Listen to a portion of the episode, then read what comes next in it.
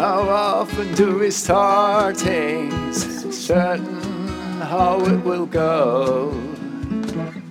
How often do we meet people knowing who they are?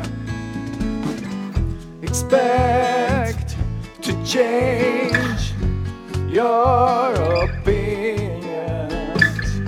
Expect to change your